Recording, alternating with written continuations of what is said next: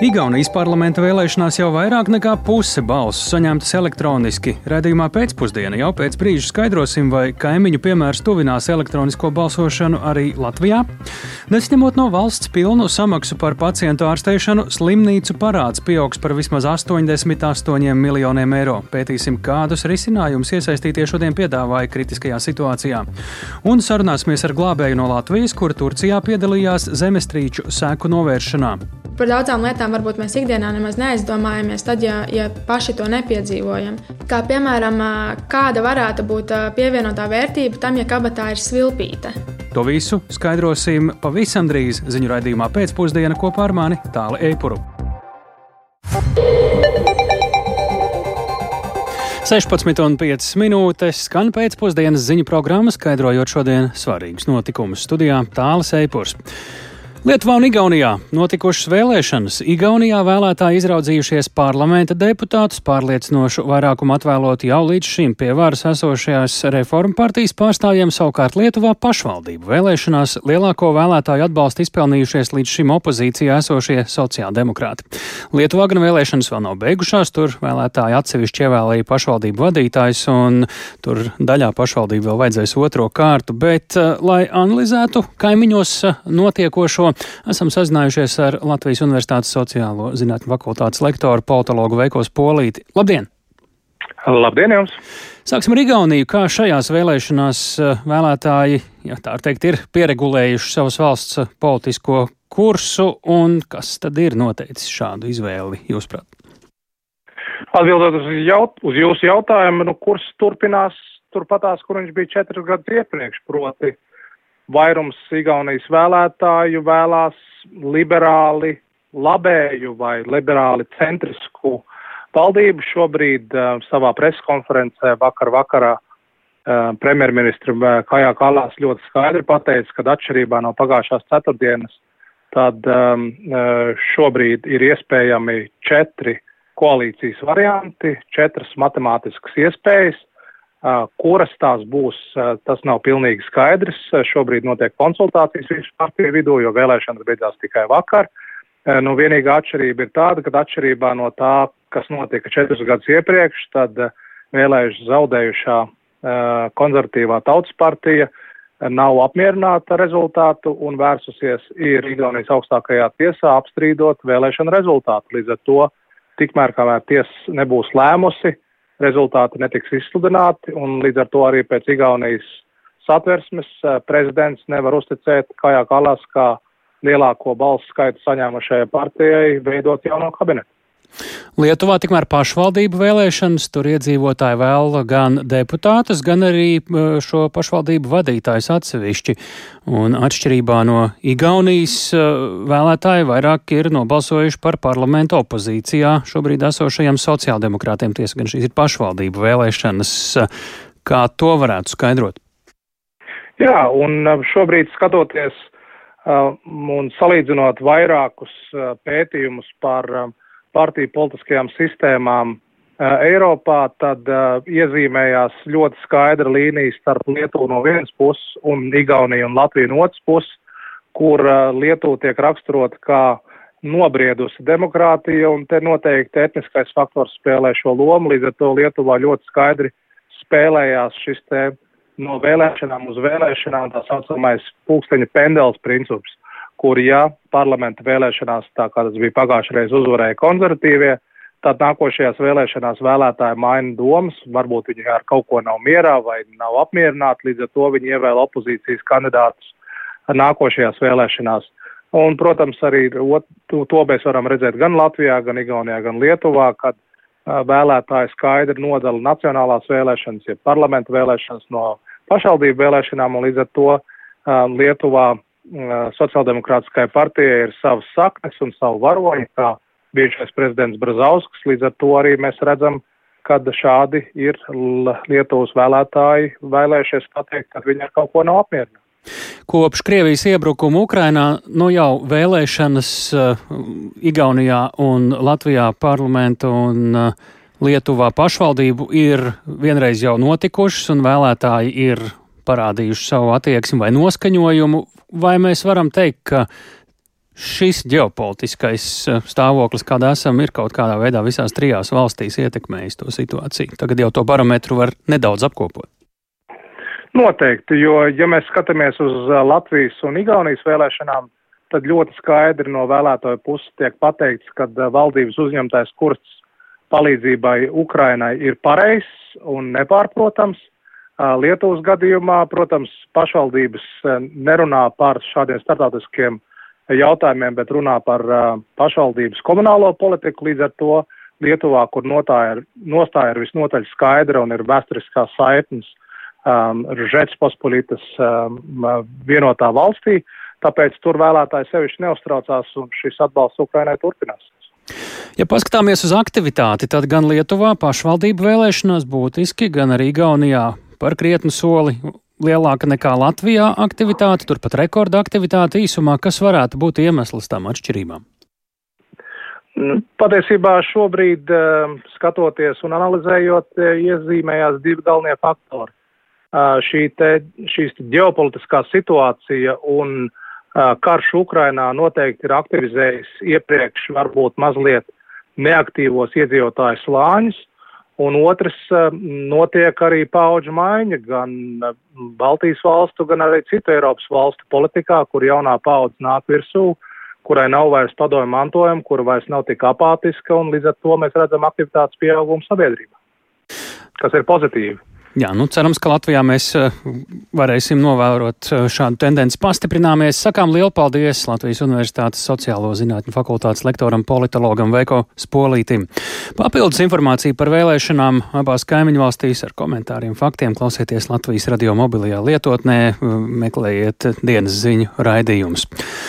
Bet, lai gan arī Igaunijā elektroniski organizētu parlamenta vēlēšanu iespēju ir izmantot plaši un uh, ļoti iespējams ir arī būtiski palielinājusi kopējo aktivitāti, Latvijā šim paraugam datu drošības dēļ nesekos. Šo sarunu būtu jāizbeidz. Tā uzskata Latvijas Universitātes Matemātikas un Informātikas institūta vadošais pētnieks Māris Alberts. Savukārt Centrālās vēlēšana komisijas vadītāja šeit Latvijā Kristīna Saulīte novērojusi vēl citas būtiskas lietas Igaunijas pieredzē vēlēšanu rīkošanā un vairāk par šo mums studijā ir gatavs arī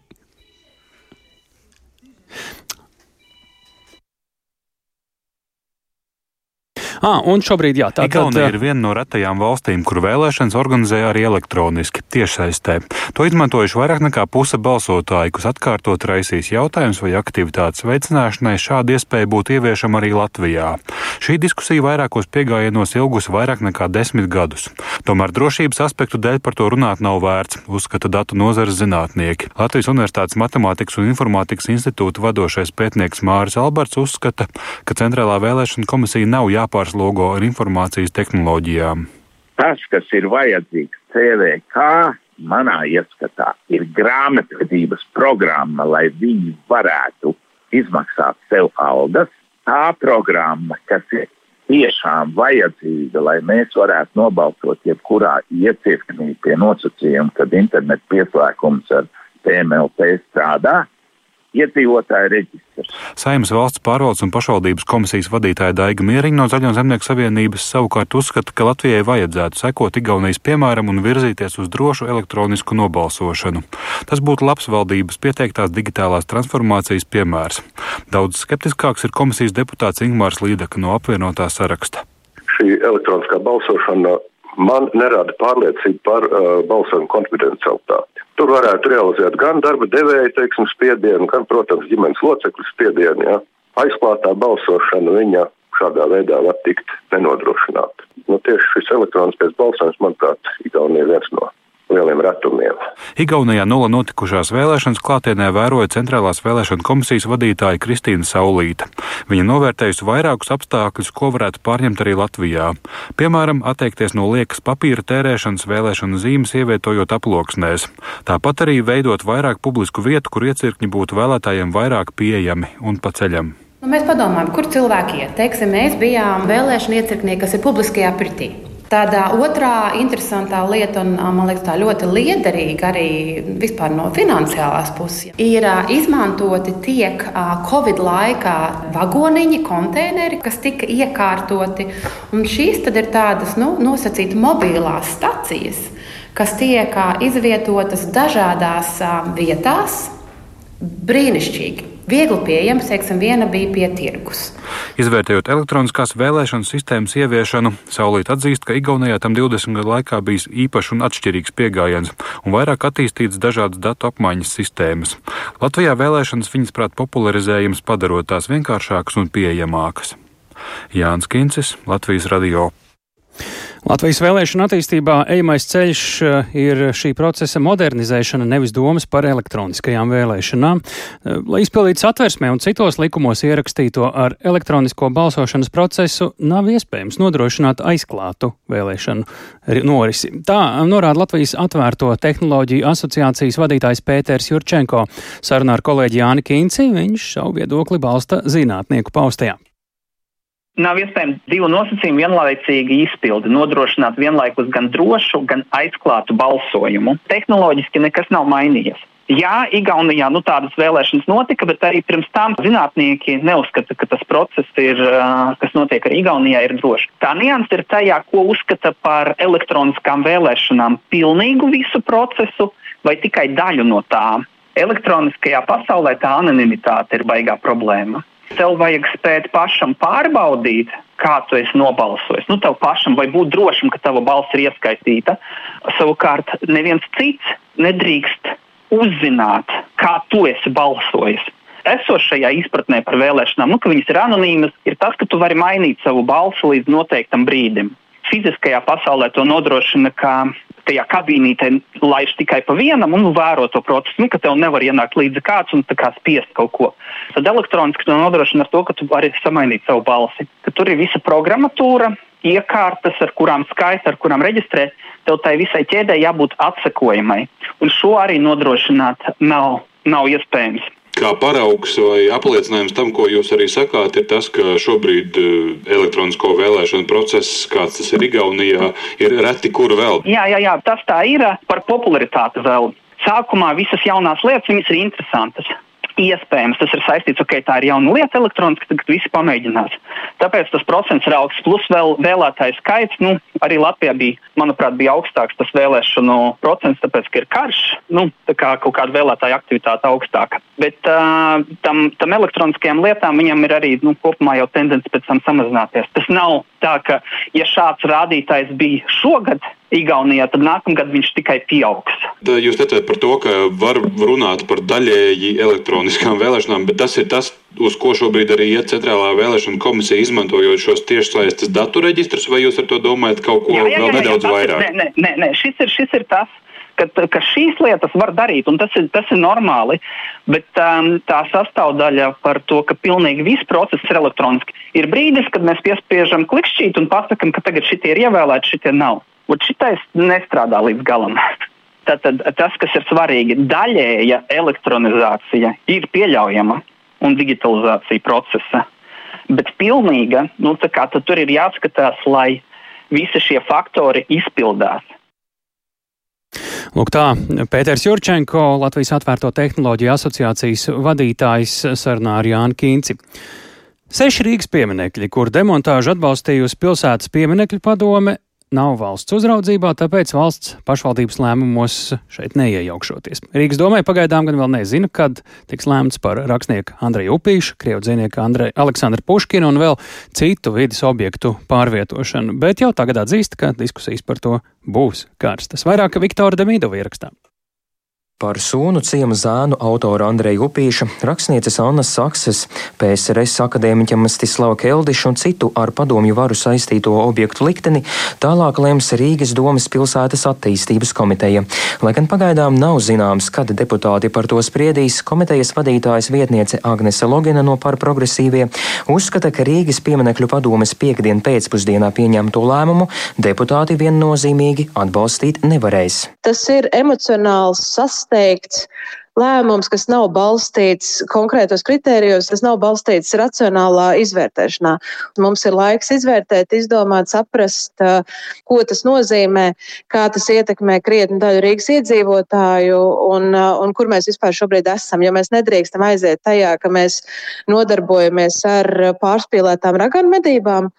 Jāatrod tāds racionāls, cieņpilns ceļš uz priekšu. Savukārt Rīgas mērs Mārtiņš Staķis Latvijas radio sacīja, ka uz šo jautājumu skatās ar vēsu prātu, uzsverot, ka pieminekļu padomes lēmums ir tikai ekspertu rekomendācija. Pilsētas galva atklāja, ka iedzīvotāji jautājumus par kāda pieminekļa demontāžu domai sūta teju ik nedēļu. Vēsture nav bufete, kurā var pieiet klāt un paņemt tikai to, kas ir garšīgs un, un to, kas nepatīk atstāt tur. Un arī katram šim piemineklim ir uh, savs stāsts. Skaidrs, ka Andreja Upīša pieminekli savulaik uzstādīja blakus tā teikt komunistiskās partijas svētvietai kongresnamam. Mums rudenī būs metu projektu konkurss, tur būs akustiskā koncerta zāle.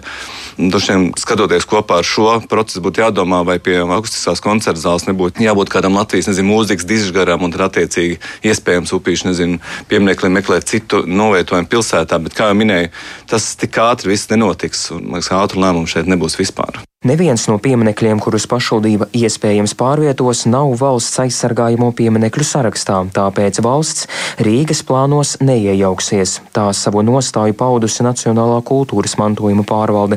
Turpina arheoloģijas un vēstures daļas vadītāja Sandra Zīrne. Jo nekādā ziņā šī pārvietošana neietekmēs eh, daudz saglabājumās vērtības, kas ir parkiem vai, vai tā šī publiskā ārtelpa. Un, no, tas ir lēmums, kas jāpieņem Rīgas pašvaldībai. Un bez tam šie pieminekļi personām jau nav saistīti arī ar šo personu dzīves vietām. Ieteikums pārvietot pieminekļus sabiedrībā izsaucis lielu rezonanci. Cilvēki sociālajos tīklos šo nostāju gan kritizē, gan arī atbalsta.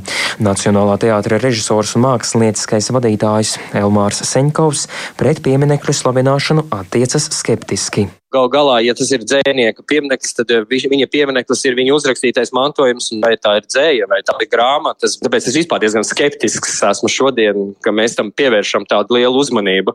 Bet tā kā kultūra kura, protams, nav atdalāma šobrīd no politikas. Un, un tad ir jautājums, kāpēc tieši konkrētie jā, tiešām cilvēki, kas nebija atbalstoši vai kaut kādā veidā, kāpēc viņi ir izstādīti mūsu teritorijā uh, vispār un kāpēc viņiem ir jāatrodās. Vai tāpēc es neiestudēšu Gogoli vai Čehu, un, protams, mēs iestudēsim šos darbus nākotnē. Tad ir jautājums, kāpēc mums nav tur Tennessee Williams, ja piemineklis. Ja? Lai gan pašvaldība visdrīzāk lems par pieminekļu pārvietošanu, domē neizslēdz, ka jautājums var nonākt arī par to iznīcināšanu. Viktors Damīdovs, Latvijas radio. Latvijas Tātad sabiedrībai šeit būs ļoti nopietni, ko diskutēt, un mēs tam arī pievēršam uzmanību. Latvijas radio devās noskaidrot iedzīvotāju viedokli par pašvaldības plāniem pārvietot vairākus pieminekļus Rīgā.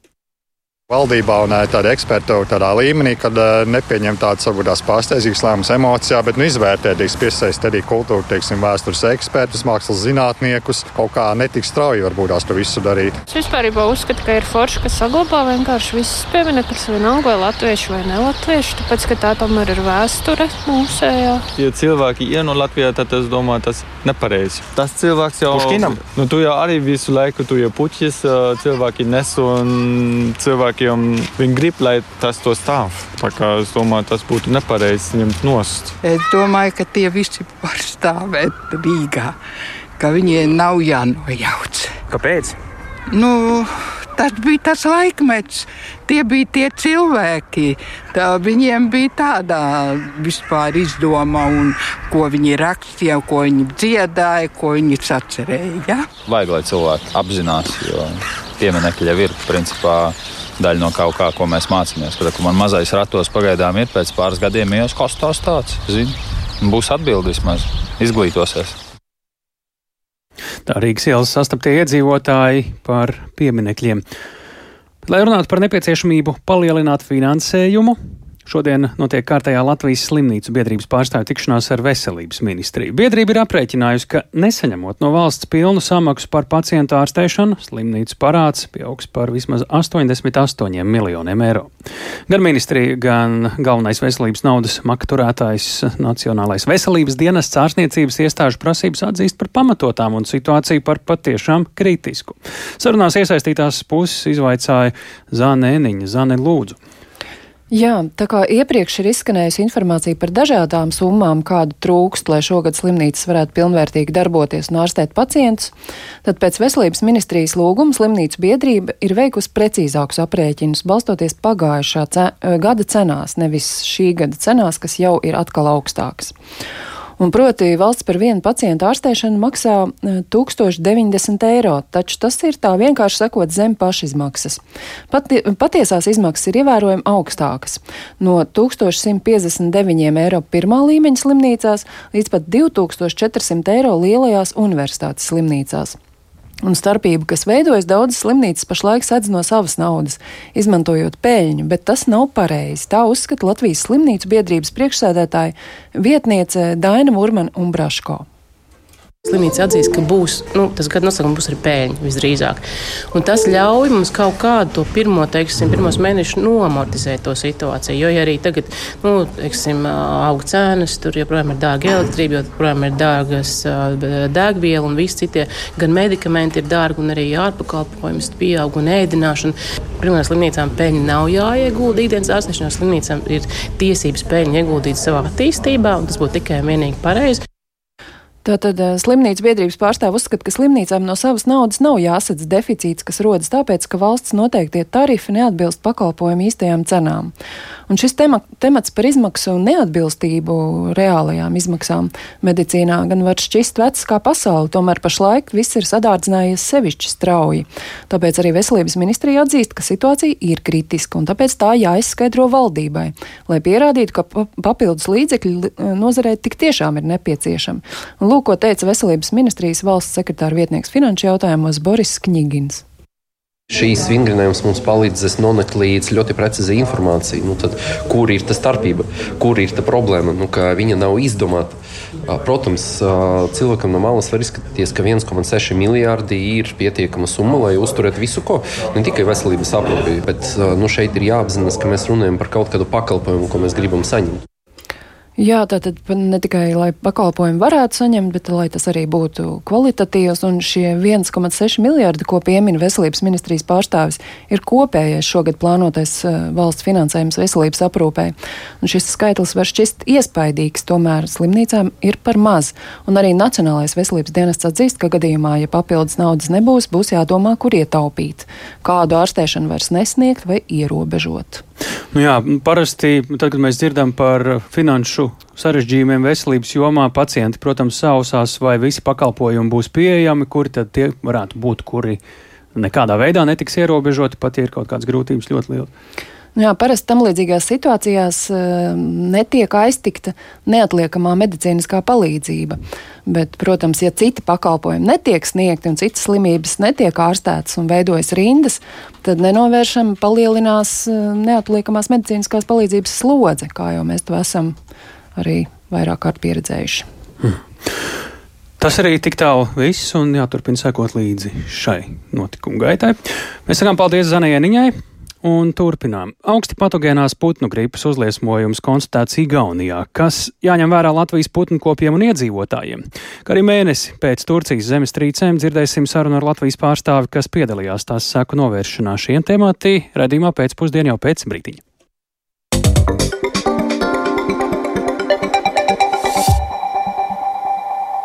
Šodien aprit mēnesis kopš postošajām zemestrīcēm Turcijā un Sīrijā. Kā ziņo Turcijas iekšlietu ministrs Suleimans Soilo, Turcijā zemestrīcēs bojā gājušo cilvēku skaits ir pārsniedzis 45 tūkstošus. Sīrijā dzīvību zaudējuši vairāk nekā 6 tūkstoši cilvēku. Pasaules veselības zem, organizācija zemestrīce Turcijā jau ir nosaukusi par smagāko dabas katastrofu Eiropas reģionā gadsimta laikā. Turpina Rustams Šukurovs. Pagājušajā mēnesī notikusī zemestrīce skāra 11 Turcijas provinces. Valsts amatpersonas paziņoja, ka zemestrīču rezultātā sabruka 214 tūkstoši ēku. Liels daudzums ēku sabruka smagāk skartajās Hatejas un Kahramanmarašas pilsētās. Strādnieku komandas turpina darbu attīrot zemestrīces skartās un gruvešu pārpildītās pilsētas. Katastrofa ir skārusi aptuveni 14 miljonus cilvēku, jeb vienu sesto daļu valsts iedzīvotāju. Turcijas prezidents Reģeps Tajips Erdogans sacīja, ka līdz šim zemestrīces zonu bijuši spiesti pamest 3,3 miljoni cilvēku. Savukārt Turcijas amatpersonu sniegtie dati liecina, ka vairāk nekā 1,4 miljonu cilvēku uzturas teltīs un gandrīz 46 tūkstoši cilvēku konteineru pilsētās. Pārējie ir apmetušies kopmītnēs vai viesu namos. Daudzi cilvēki un ģimenes izvēlas palikt savu sagrūšo īpašumu tūmā, izvietojot paštaisītas teltis. Cilvēki nevēlas pamest to, kas palika pāri no viņu īpašumiem stipras piederības sajūtas dēļ. Šo cilvēku vidū arī aug neapmierinātība par Turcijas valdības rīcību katastrofas situācijā. Arī kāda sieviete, kas palikusi bez pajumtes un mitinās teltī, uzskata, ka valdībai ir jādara vairāk. Su ihtiyacı çocuklarla ilgilensinler. Valdībai ir jāizmanto visi savi resursi, lai sasniegtu skartās teritorijas, un jānodrošina ūdens tiem, kam tas nepieciešams, un atbilstošas programmas, lai sekotu līdzi bērnu garīgajai labklājībai. Neapmierinātību un dusmas cilvēku vidū arī izraisīja ziņas par to, ka Turcijas sarkanais pusmēnesis ir par pašizmaksu pārdevis kādai no labdarības organizācijām daļu no nodokļu maksātāju finansētajām teltīm. Rustam Šukurovs, Latvijas Rādio. Jau tajā pašā dienā, kad Turcijā notika zemestrīces, Latvijas valsts ugunsdzēsības un glābšanas dienests no Turcijas saņēma palīdzības lūgumu. Turp devās inspektori Kristīna Fedotova. Par pieredzi atbalsta misijā Turcijai kopā ar ekspertiem no citām Eiropas Savienības valstīm. Pēc atgriešanās Latvijā viņu iztaujāja kolēģe Linda Spundiņa. Zemestrīce notika 6. februāra naktī, un jau pēc pusotras stundas Turcija, kā Eiropas Savienības civilās aizsardzības mehānismu iesaistītā valsts, lūdza palīdzību. Saka valsts ugunsdzēsības un glābšanas dienesta civilās aizsardzības pārvaldes resursu pārvaldīšanas nodaļas vecākā inspektore virsleitnante Kristīna Fedatova. Viņa kā vienīgā eksperte no Latvijas devās uz postošās zemestrīces skarto Turciju. Jau 7. februārī pamatā mēs jau devāmies uz Turciju, lai atbalstītu Jau 6. februārī dienā, kad pati zemestrīce jau bija notikusi, mūsu komanda bija sakomplektēta, mēs saņēmām sākotnējo instruktāžu un jau bijām gatavi doties. Eiropas komisija mobilizēja un nosūtīja civilās aizsardzības ekspertu komandu sākotnēji 11 cilvēku sastāvā, taču ņemot vērā postījumu ietekmi un pēcgrūdienus, komanda tika papildināta. Tajā kopumā bija 18 eksperti no 13 dažādām Eiropas Savienības dalību valstīm. Komandas galvenie mērķi - atbalstīt Turcijas dienestus notikumu vietām, ienākušās starptautiskās palīdzības saņemšana, sadarbības koordinēšana ar citām starptautiskām organizācijām notikumu vietā. Tā ir salīdzinoši gandrīz vienmēr standarta komanda. Komandā vienmēr tiek iekļauts komandas vadītājs, komandas vietnieks, attiecīgi informācijas pārvaldīšana. Tie ir arī uh, operācija cilvēki, jeb šie reaģēšanas cilvēki, kas var vadīt uh, vai koordinēt atbalstu dažādām komandām, kā šajā gadījumā tās bija meklēšanas komandas komandas loģistikas eksperti tika arī nosūtīti šajā misijā, lai organizētu, piemēram, transportu. Arī šī misija, ņemot vērā tās specifiku, jo tā bija zemestrīce, tika papildus nosūtīti arī inženieri, kas var novērtēt šo ietekmi no zemestrīces uz dažādām ēkām. Kristīna Fedatova komandā bija informācijas pārvaldības eksperte. Tie mani primārie uzdevumi bija nodrošināt komunikāciju starp mums kā komandu un ārkārtas reaģēšanas koordinācijas centru Briselē, kas nodrošina šo sadarbību ar visām Eiropas Savienības valstīm. Tāpat tās arī eh, mans uzdevums bija nodrošināt informācijas apriti iekš mūsu komandas. Šī viņai bija pirmā misija. Eksperti norāda, ka šādām misijām gatavojusies vairākus gadus. Kristīna Fedato Turcijā strādāja no divām vietām. Pirmo nedēļu Ankarā, bet atlikušās divas nedēļas Gaziantepā. Esot misijā, mēs ik pa laikam izjutām šos mazos pēcgrūdienus, bet tas ir kaut kas tāds, kas jāņem vērā. Pašu lielāko zemestrīci, ko piedzīvoja arī mūsu komanda, tas notika 20. februārī, kad eh, tā jau bija nu, tobrīd jau trešā zemestrīce ar vairāk kā sešu magnitūdu. Pēc Richtera skalas mūsu komandā bija arī izveidot noteikti drošības pasākumi, kā rīkoties gadījumā, ja atkārtojas zemestrīce.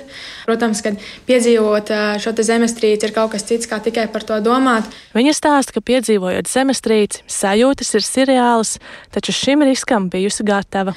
Sajūtas, protams, ir interesantas. Un, par daudzām lietām varbūt mēs ikdienā nemaz neaizdomājamies, tad, ja, ja paši to nepiedzīvojam. Un, Piemēram. Kā piemēram, kā, kāda varētu būt pievienotā vērtība tam, ja kabatā ir svilpīte. Šī esot bijusi lielākā meklēšanas un glābšanas komandas misija. Prieks redzēt, ka arī pēc ilgāka laika joprojām bija iespējams atrast sākotnējā fāzē cietušos, bet dzīvus cilvēkus. Bija tāda neliela frāze, kas, kas mums misijā izskanēja, un kad mums prasīja, vai mēs ticam brīnumiem. Un tad, tad, kad pēc astoņām dienām arī tu joprojām spēji ieraudzīt tos dzīvos cilvēkus, ko komandas izvēlēt ārā, tad gribas teikt, ka gribās ticēt brīnumiem. Jūs tomēr bijāt ilgi, vai iekšēji bija sajūta, ka ir kaut kāds lūzuma punkts misijas laikā? Tas nav to, kaut kas tāds, par ko misijā kāds domā. Dodoties misijā, mēs ik viens apzināmies to, ka šī misija, neatkarīgi no tās ilguma, prasīs uh, savus resursus. Tāpēc arī notiek šī rotācija, uh, lai eksperti, kas ir uz vietas, lai viņi ne, nepagurst, lai viņi turpina sniegt šo atbalstu. Uh, un, uh, tas, protams, ir uh, kaut kas tāds, kas ir, kam tu gatavojies. Atbraucot mājās, sajūtas, kas viņu pārņēma, bija gandarījums. Linda Spundiņa, Latvijas radio. Par dzīvībām cīņa notiek arī domājot par satiksmes drošību. Tepat pie mums Latvijā, tā skaitā. Alkohola reibumā izraisītu ceļu satiksmes negadījumu pērn Latvijā ir bijis par 17-18% vairāk nekā gadu iepriekš, tā ziņo atbildīgās amatpersonas. Vienlaikus pērn uz ceļiem fiksēts krietni mazāk administratīvo pārkāpumu. Par pērnā gada statistiku Agnijas Lāsdeņas ierakstā. 2022. gadā reģistrēti nedaudz vairāk kā 19,000 satiksmes negadījumu, kas ir par 419 mazāk nekā 2021. gadā.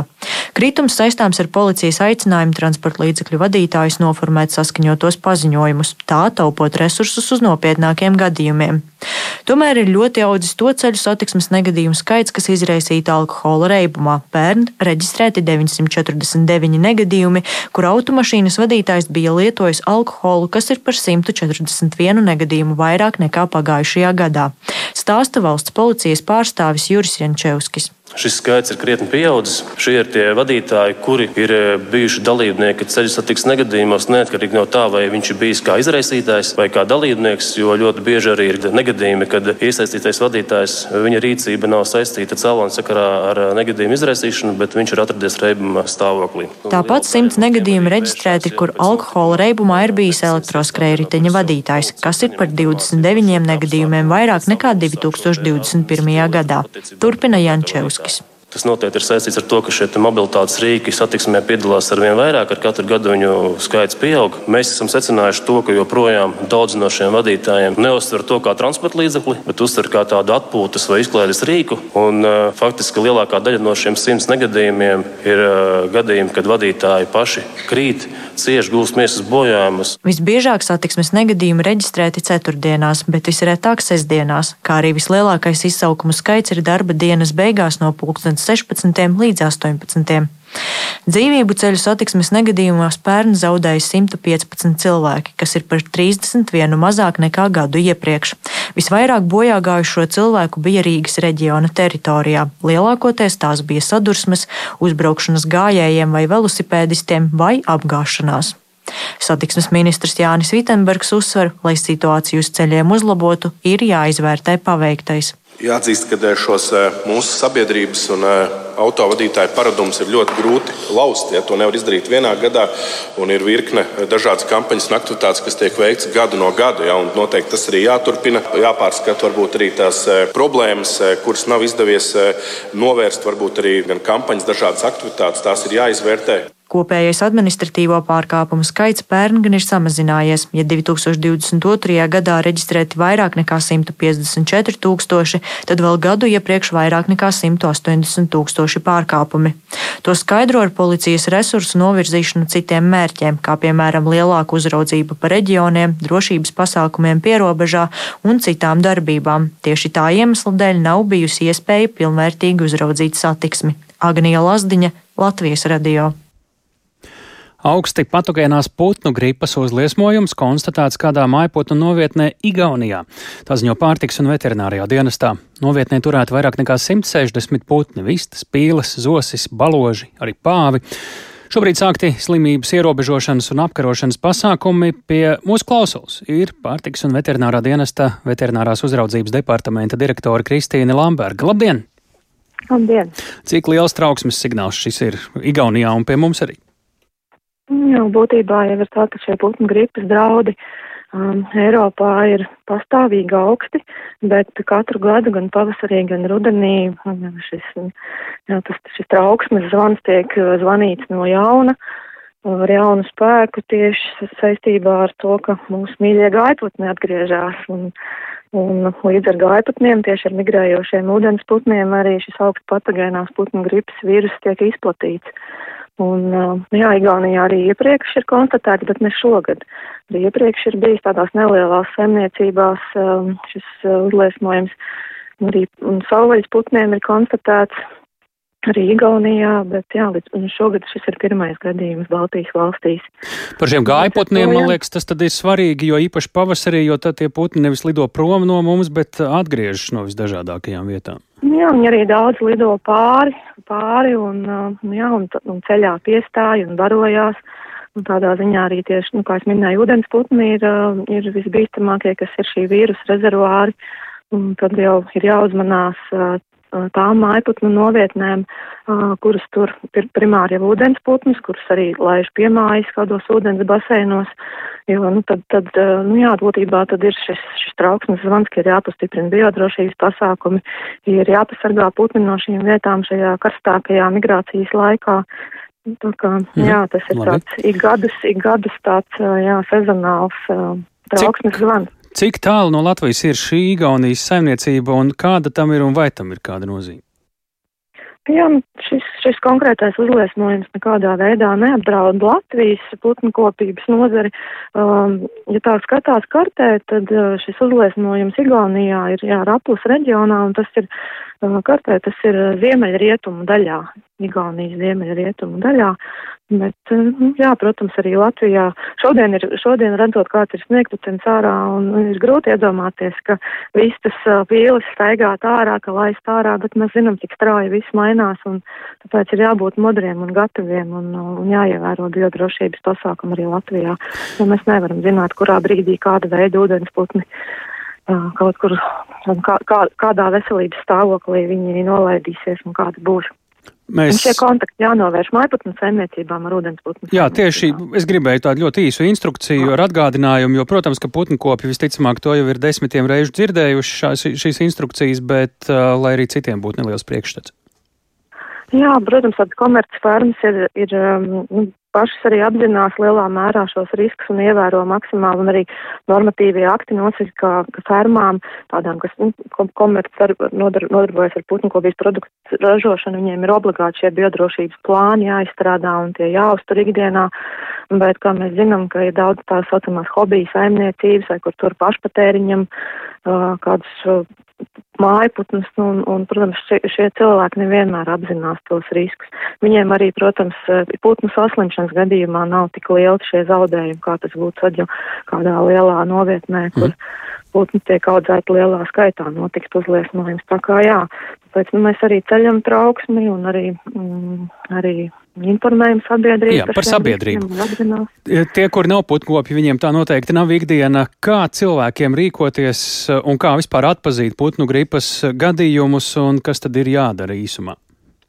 Jā, mēs aicinām ziņot uh, pārtiks un veterinārajiem dienestam, jebkurai mūsu struktūra vienībai vai arī uz centrālu, un šie, šie kontakti ir brīvi pieejami. Par ko? Ziņot, tad, ja atrod dabā nobeigušos ūdens putnus, gulvji ir indikātori, mums arī ir pagājušā nedēļā ziņojumi, ir izmeklēti jau miruši gulvji, bet, nu, paldies Dievam, šie izmeklējumi rezultāti ir bijuši negatīvi, viņi nav konstatēti augstu patogēnā putnu gripu kā iemesls šo putnu nāvei, bet jā, tieši ūdens putnu būt, nu, varbūt kaut kur pīles, kaut kur tāda masveidīgāka. Ja te nevajag tādās galējībās krist, nav jāziņo par, par kādu atrastu veiktu, piemēram, valodi vai zīlīti vai vārnu. Kā tad atšķirt?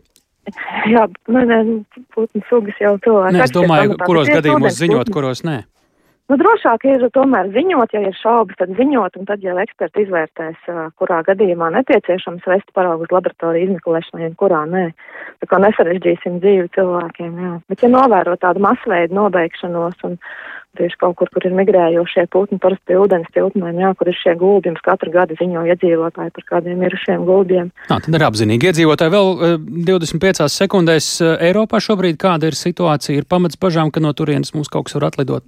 Jā, jo, jo, joprojām aktīvi ziņo par uzliesmojumiem Polijā, būtībā visās Eiropas Savienības dalību valstīs ik pa brīdim konstatē augstu patogēno putnu gripu arī Zviedrijā bija nesen lielā fermā gadījums. Un, un tā ka jā, jā, ir jābūt modriem, šie riski tiešām pastāv. Mēs neesam izolēti. Līdz šim mēs gan esam bijuši veiksmīgi izvairījušies no no, no augstu patogēnās putnu gripas uzliesmojumiem tieši mājputnu novietnēs, ja kādā vai lielā vai mazā ir konstatēta tikai mm -hmm. ūdensputniem, bet, bet, bet, bet tie riski ir nenoliedzami.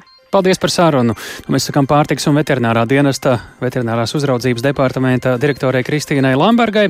Šis šodien bija Ziņu raidījums pēcpusdienā to veidojām mēs Tāls Eipors, Ilza Agīnta, arī Kaspars Groskops, Katrīna Bramberga un, protams, šo raidījumu un arī citus ziņu raidījumus droši meklējiet arī Latvijas radio mobilajā lietotnē un tur arī varat padalīties ar paziņām draugiem un citiem. Līdz rītam!